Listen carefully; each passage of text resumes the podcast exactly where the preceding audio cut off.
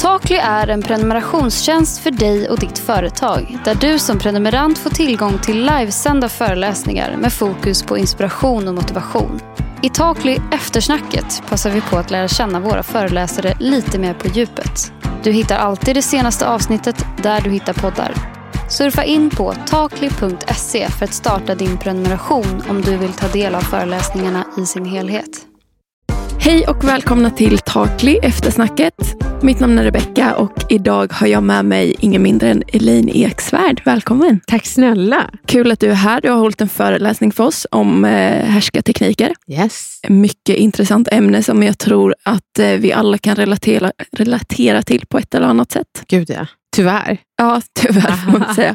Jag tänker, vi fick in väldigt mycket frågor. Mm. tänker att vi ska gå in lite djupare på ämnet. Vi pratade också lite här innan att vi ska gå in på egna erfarenheter. Du ska ge lite tips. Ja, men jag tänkte det så kul att höra. Det, jag älskar ju frågor. För många är så här, hur gör man när någon är dum? Och Det är så vagt. Men om man är lite mer specifik och berättar exakt vad personen har sagt, vem det var, i vilken situation, så brukar det bli ännu bättre. Det första jag tänkte på, som är väldigt vanligt, jag är liksom ung tjej. Mm. Det är väldigt ofta man stöter på eh, lite översittare. Mm. Eh, behöver inte oftast vara män. Jag har varit på arbetsplatser där det har varit en annan ung tjej och så, så kommer jag som en ny ung tjej och Ah. ändå gör ett bra jobb. Att man liksom, det är lite det här lilla gumman och du ska inte tro att du kan komma här och, Ah. och vara så här att man gärna pekar ut vad, som, vad man gör dåligt och att man inte tror att man ska vara någonting. Vad, hur, hur hanterar man en sån grej? Nej, men jag, jag, skulle, jag skulle nog fråga vad, vad, varför personen, inte varför personen gör så. Det är svårt att ta plats i början. Men, men jag skulle försöka visa mig intresserad och, och sänka garden och, och ändå vara snäll mot den här personen. Och bara, men vad tycker du om? Och hur är dina professionella relationer? Och vad är det för regler? Jag känner mig helt lost här. Vill du hjälpa mig? Eh, för någonstans så tror jag att deras ego känner sig lite hotat. Om man då är trygg i sig själv och inser att den här personen nog inte lika trygg som jag är, så kan man ändå försöka eh, visa sig själv som att man inte är ett hot, utan att man faktiskt är snäll. Men när de pikar så tycker jag ändå att man ska säga, liksom, var det något jag sa som var fel? Nej, jag bara undrar. Liksom. Eh, det tycker jag är viktigt. För jag tänker, det är ju ganska lätt att tänka att man ska konfrontera eller man ska fråga vad var det jag gjorde för fel. Och sen så, som du sa, att det är oftast efteråt att man bara, jag skulle sagt det där. Ja. Men en person som inte har, som är så säker i sig själv att man inte vågar. Nej, men precis. Och då tänker jag, vi ska nog undvika ordet konfrontera, för det låter så förknippat med bråk, för det är så många av oss tänker. Men det man kan göra är ju att liksom lite lägga sig platt och säga, jag blir lite osäker, gjo- gjorde jag något fel?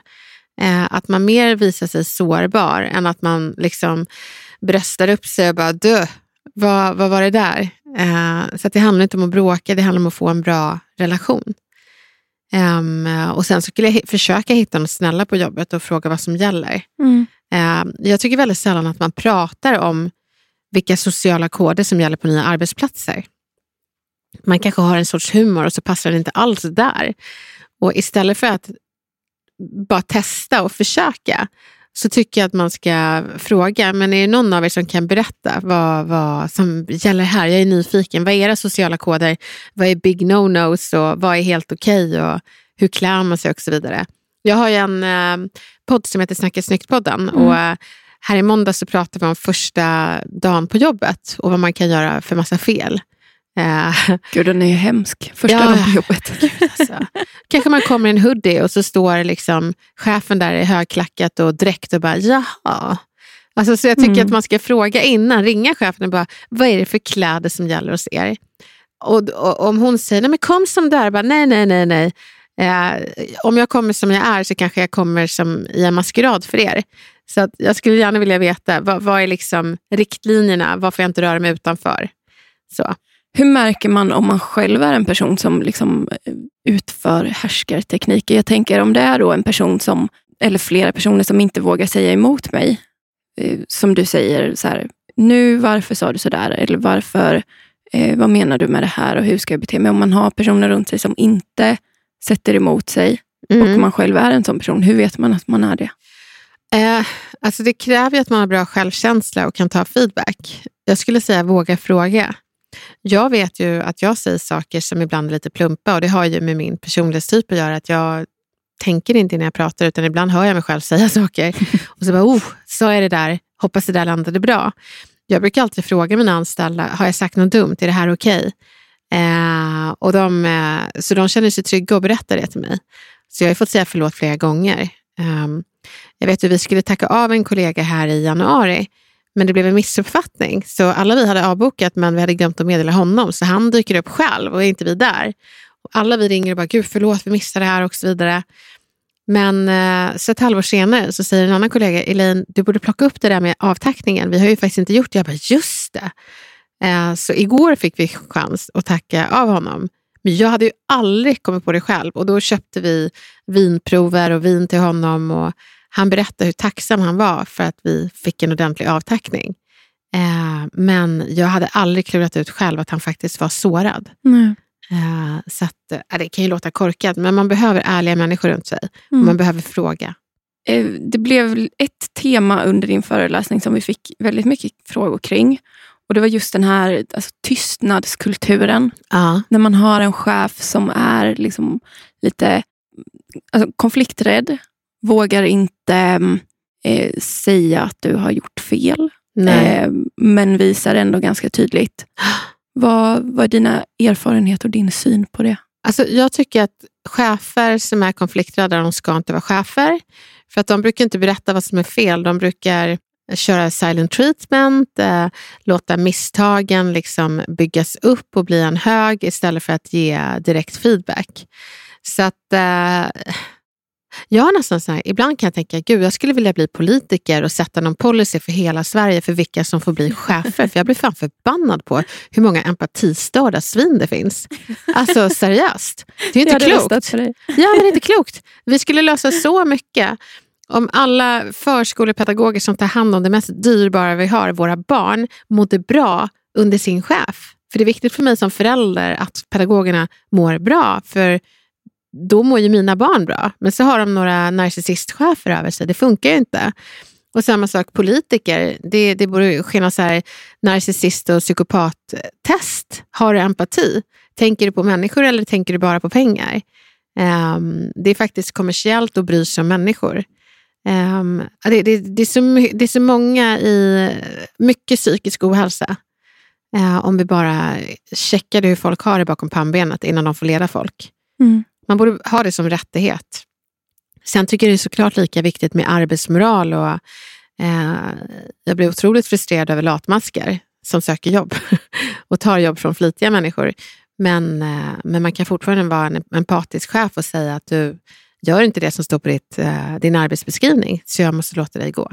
Vi pratar mycket om vad som är fel på arbetsplatser och vad som är hur en chef ska hantera grejer och hur de gör det dåligt. Och sånt. Vad är den, hur hade den ultimata arbetsplatsen sett ut?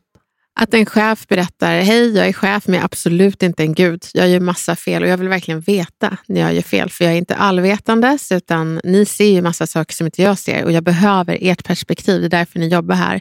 Jag anlitar alltid folk som är bättre än mig. Ni är här för att ni är grymma.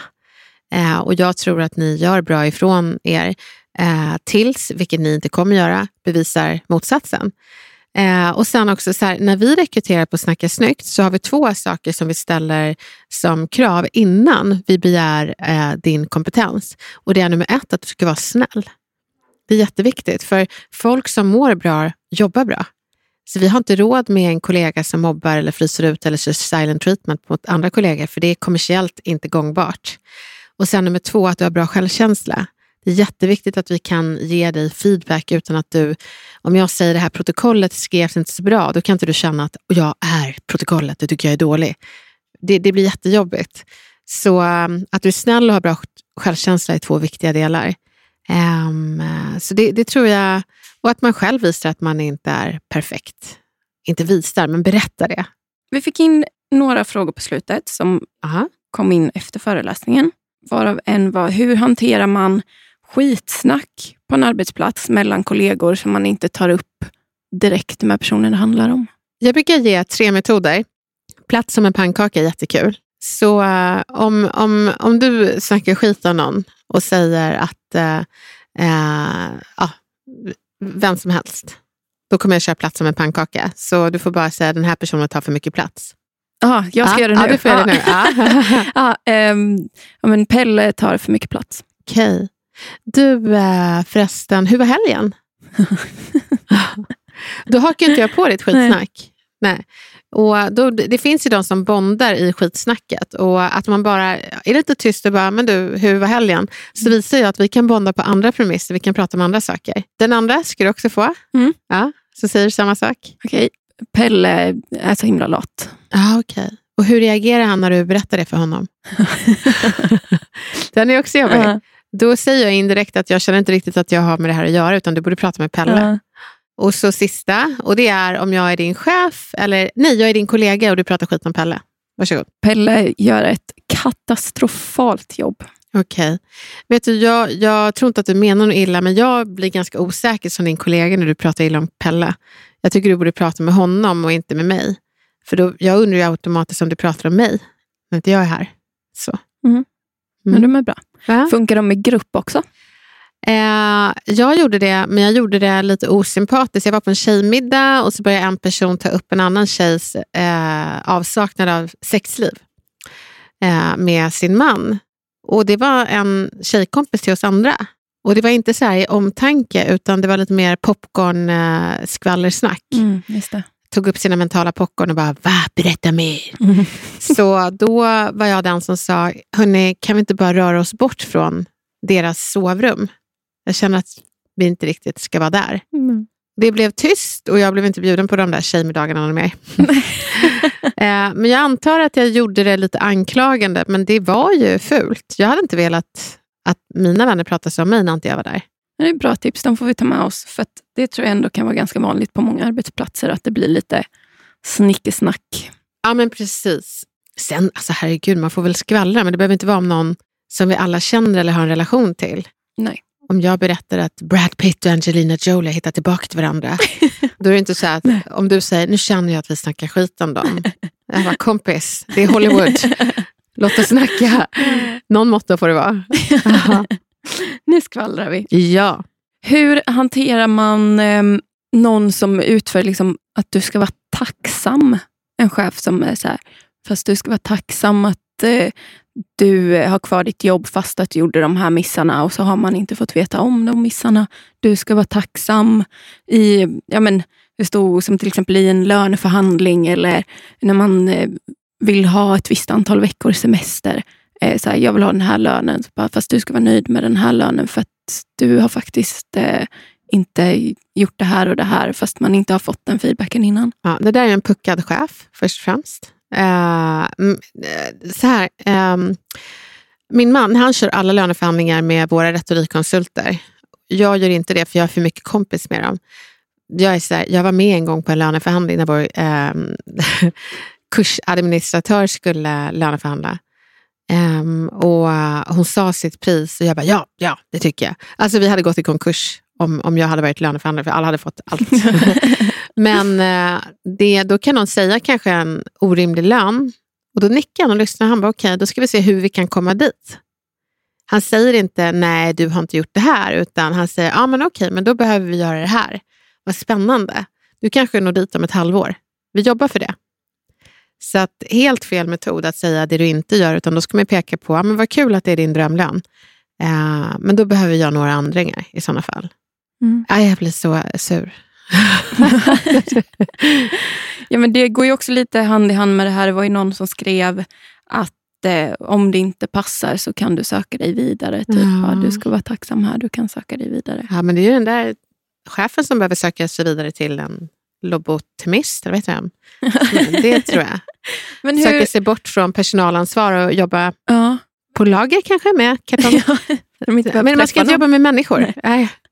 Men hur sätter man sig emot en sån chef? Vad gör man? liksom? Man byter jobb. Alltså det, du kan inte vara i beroendeställning till ett pucko.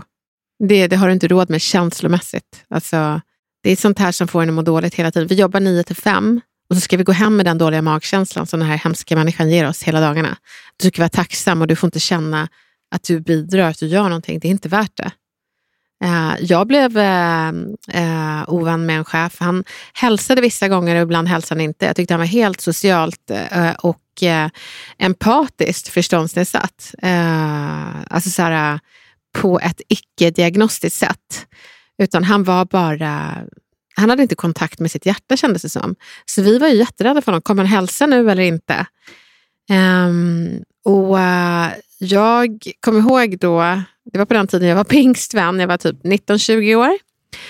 Och uh, jag skrev ner typ att han var Lucifer, som ju då är djävulen, i, uh, på en lapp. Och han hittade den lappen. Han bara, jag vet vad du tycker, du tycker jag är Lucifer.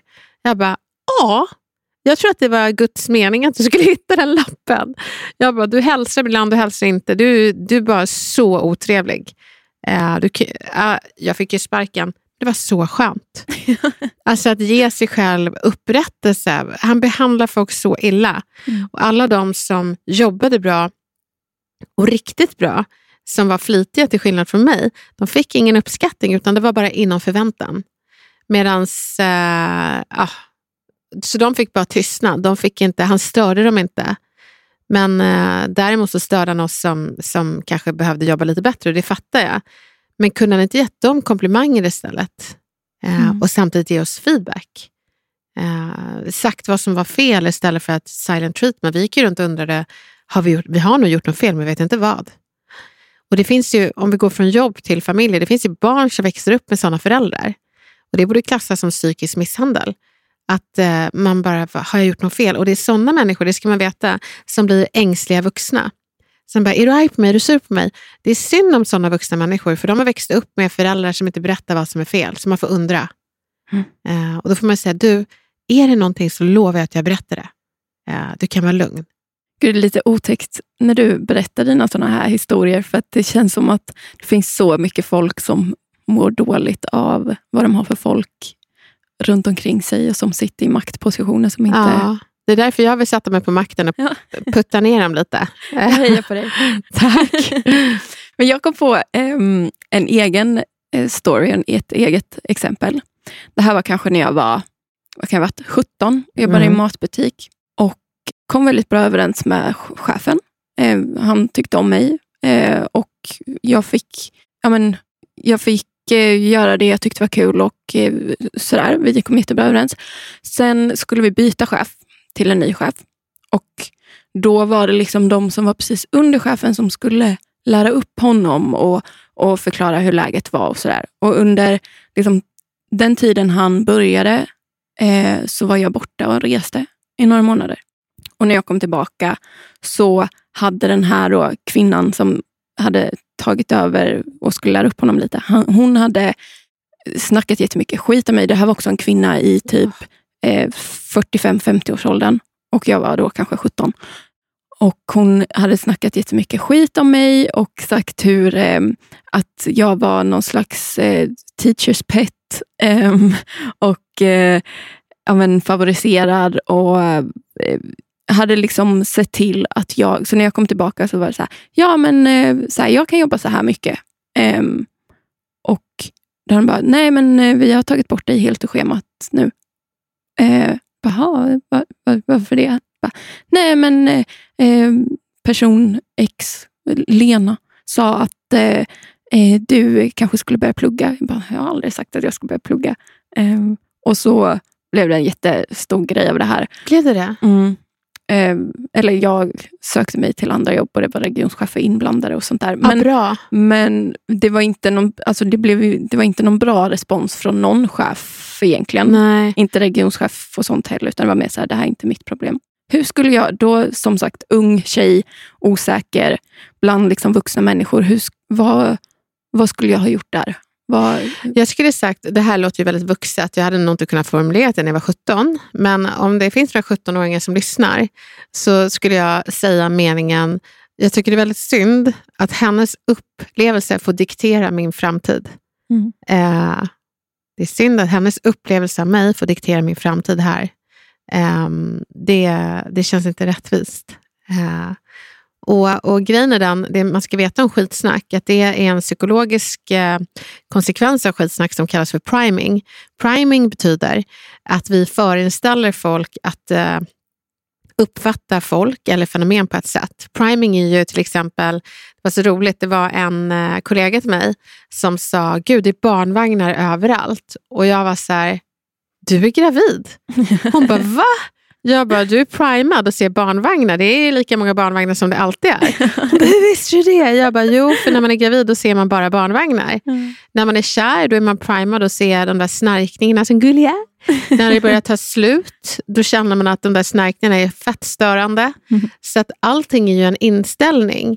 Så att om, om du är ny på mitt jobb och jag berättar att ja, men min kollega Gustav han är lite flört flörtig, bara så att du vet. Då kommer du börja bli primad och uppfatta honom så. Så han behöver bara titta på dig en gång och du kommer bara, flörtig, jag ser det. Se. Mm. Eller om jag säger, han tar så mycket plats. Eh, då på mötet kan han bara säga en mening och du bara, han tar plats. Han sa en mening. Så då har ju den här Lena primat nästa chef att se de här negativa egenskaperna. Det är det skitsnack gör, det är därför det är så farligt. Man måste ge folk rätten att vara ett blankt blad att uh, få skapa sin egen uppfattning. Du får inte kontaminera folk med dina uppfattningar. Däremot, skvallrets ursprung är för att varna folk. Om det är någon man vet är på riktigt skadlig, då handlar det inte om att prima, då handlar det om att varna. Bara så att du vet. Uh, men här var det inte en varning, det var ju bara rent skitsnack. Mm. Uh, så att man får skilja på skitsnack, priming och varning. Jag tycker att man får varna. Och det är därför metoo och allt det här är så viktigt, för det är varningar. Och det borde vara lagligt. Ja, det är ju en sån där situation som man nu i efterhand bara, jag skulle gjort sådär, jag skulle sagt sådär. ja, ja, men precis, verkligen. Men 17 år, vad kan man begära av sig själv? Men ibland brukar jag spela upp dem och bara... Jag är i och för sig ganska glad att jag kallade min chef för Lucifer. Det var inte det mest retoriska, men det var otroligt skönt. Jag fick ju sparken, men jag fick också en upprättelse till mig själv. Ja, det slutade med att jag fick erbjudande om ett annat jobb och då ringde de till den chefen och sa att de ville ha tillbaka mig. Så då ändrade de sig helt plötsligt. Jaha, ja. Eh, ja, så var det med den storyn. Jag bara, ja. nu satt och pratade här så Nej, det är jättebra. jättebra. Ibland behöver man bearbeta det och jag märker det. Ibland tycker jag att man kan tänka på saker som har hänt flera år sedan och det är fortfarande ont. Mm och bara prata om det och säga, och någon annan säger den där chefen var helt jävla dum i huvudet. Bara det, även om jag inte med saken göra kan det vara ganska skönt att bara, eller hur? För det, det gör lite att den här minneslågan släcks lite och man mm. kan börja tänka på någonting annat. Mm. Och Sen tycker jag ibland att man kan ringa upp och bara, du det där du gjorde mot mig, jag borde ha sagt det då, eh, men, men det var verkligen inte okej. Okay. Jag hade en eh, hyresvärd i min lägenhet som lurade mig jättemycket. Han eh, gav vi skulle byta vår lägenhet och han gav mig en... Eh, min mamma fick en lägenhet och jag fick en rökskadad lägenhet. Mm. Jag, men jag kan inte andas här. Det var, så här, det var någon som hade rökt i lägenheten mm. i 30 år, det satt i väggarna. Och han sa, jo nej, men det här är jättebra, den här lägenheten är skitbra. Han gav den sämsta lägenheten han hade, så jag tog in Miljöhälsomyndigheten, som det hette då. Och de sa, den här, den här är obeboelig. De mätte luftnivån och allting. Och så gav han mig en annan lägenhet och han tatt, satte på kranen så kom det liksom brunt vatten ur. Jag bara, så det här är ju... eh, och jag var ju så osäker och han utnyttjade det. Mm. Och jag bestämde mig att en vacker dag ska jag mejla honom och ska jag säga att han är dum i huvudet. Eh, bara för att kunna sätta ner foten. Det låter jätteomoget, men jag är inte i beroendeställning till honom. Eh, och jag kommer ihåg det när jag hade köpt bostad med min man, eh, var retorikkonsult. Och då ville jag liksom ge upprättelse till den här 19-åriga tjejen. Eh, och då var jag väl 28-29. Och jag bara, hej Lars, eh, jag har alltid drömt att skriva det här mejlet för jag vågade inte säga det då. Du lurade mig så många gånger. Jag ville bara berätta att du är dum i huvudet. du gjorde det ändå. Hej då! wow. ja, men, och det var lite så här, då sträcktes den här minneslågan och det var en vuxen som stod upp för den där 19-åringen. Och även om det var jag så tycker jag ändå att det är okej. Okay. Och det är samma sak, nu kommer jag in på något helt annat, med folk som har blivit sexuellt utnyttjade. Och de bara, men det är preskriberat och det finns inga bevis och allting. Eh, och jag var tio år och så vidare. Om det inte var någon tio, du var tio år, det var ingen vuxen som stod upp för dig då och du nu är 24, 25, 35, 55. Var den vuxna för barnet i dig och mm. polisanmäl. Alltså, det är så mäktigt när någon vuxen står upp för det där lilla barnet, om det så är dig. Det ger en inre frid och det behöver inte leda till någonting, men det leder till att du fick någon som stod upp för dig och det var du. Så kloka ord. Det känns som att allt du säger bara låter så bra. Ja, men vad bra. Jag känner mig lite smått aggressiv, men jag är också väldigt kärleksfull. jag lovar. Jag gillar det. Jag eh, tänker att vi ska börja runda av. Mm. Eh, men som en sista fråga. Vad är ditt absolut liksom, nummer ett bästa tips för eh, härskartekniker? Hur hanterar man det? Vad är det liksom? Att man faktiskt tänker att de inte menar något illa. Att det bara blev illa. Och att man bemöter dem med den ödmjukheten. Jag tror verkligen inte att du menar något illa, men jag vill ändå berätta att det här landade lite illa hos mig. Eh, så. Det, det brukar göra att de sänker garden. Om man istället gör som man gjorde förr i tiden och bara, det du sa nu, det är sexistiskt. Det blir lite mer attack och då är folk inte lika benägna att lyssna. Eh, men om man säger det, jag, jag, tror inte att du menar något illa, men, men det du sa det känns ganska sexistiskt och jag tycker inte det passar dig för du känns inte som en sexist. Du känns som en bra människa. Det, om man tror väl om folk så försöker de oftast leva upp till det. Bra. Bra tips. Tack snälla Elaine för att du var här, för att du ville prata med mig och för att du föreläste för oss. Såklart. Tack snälla för att jag fick komma.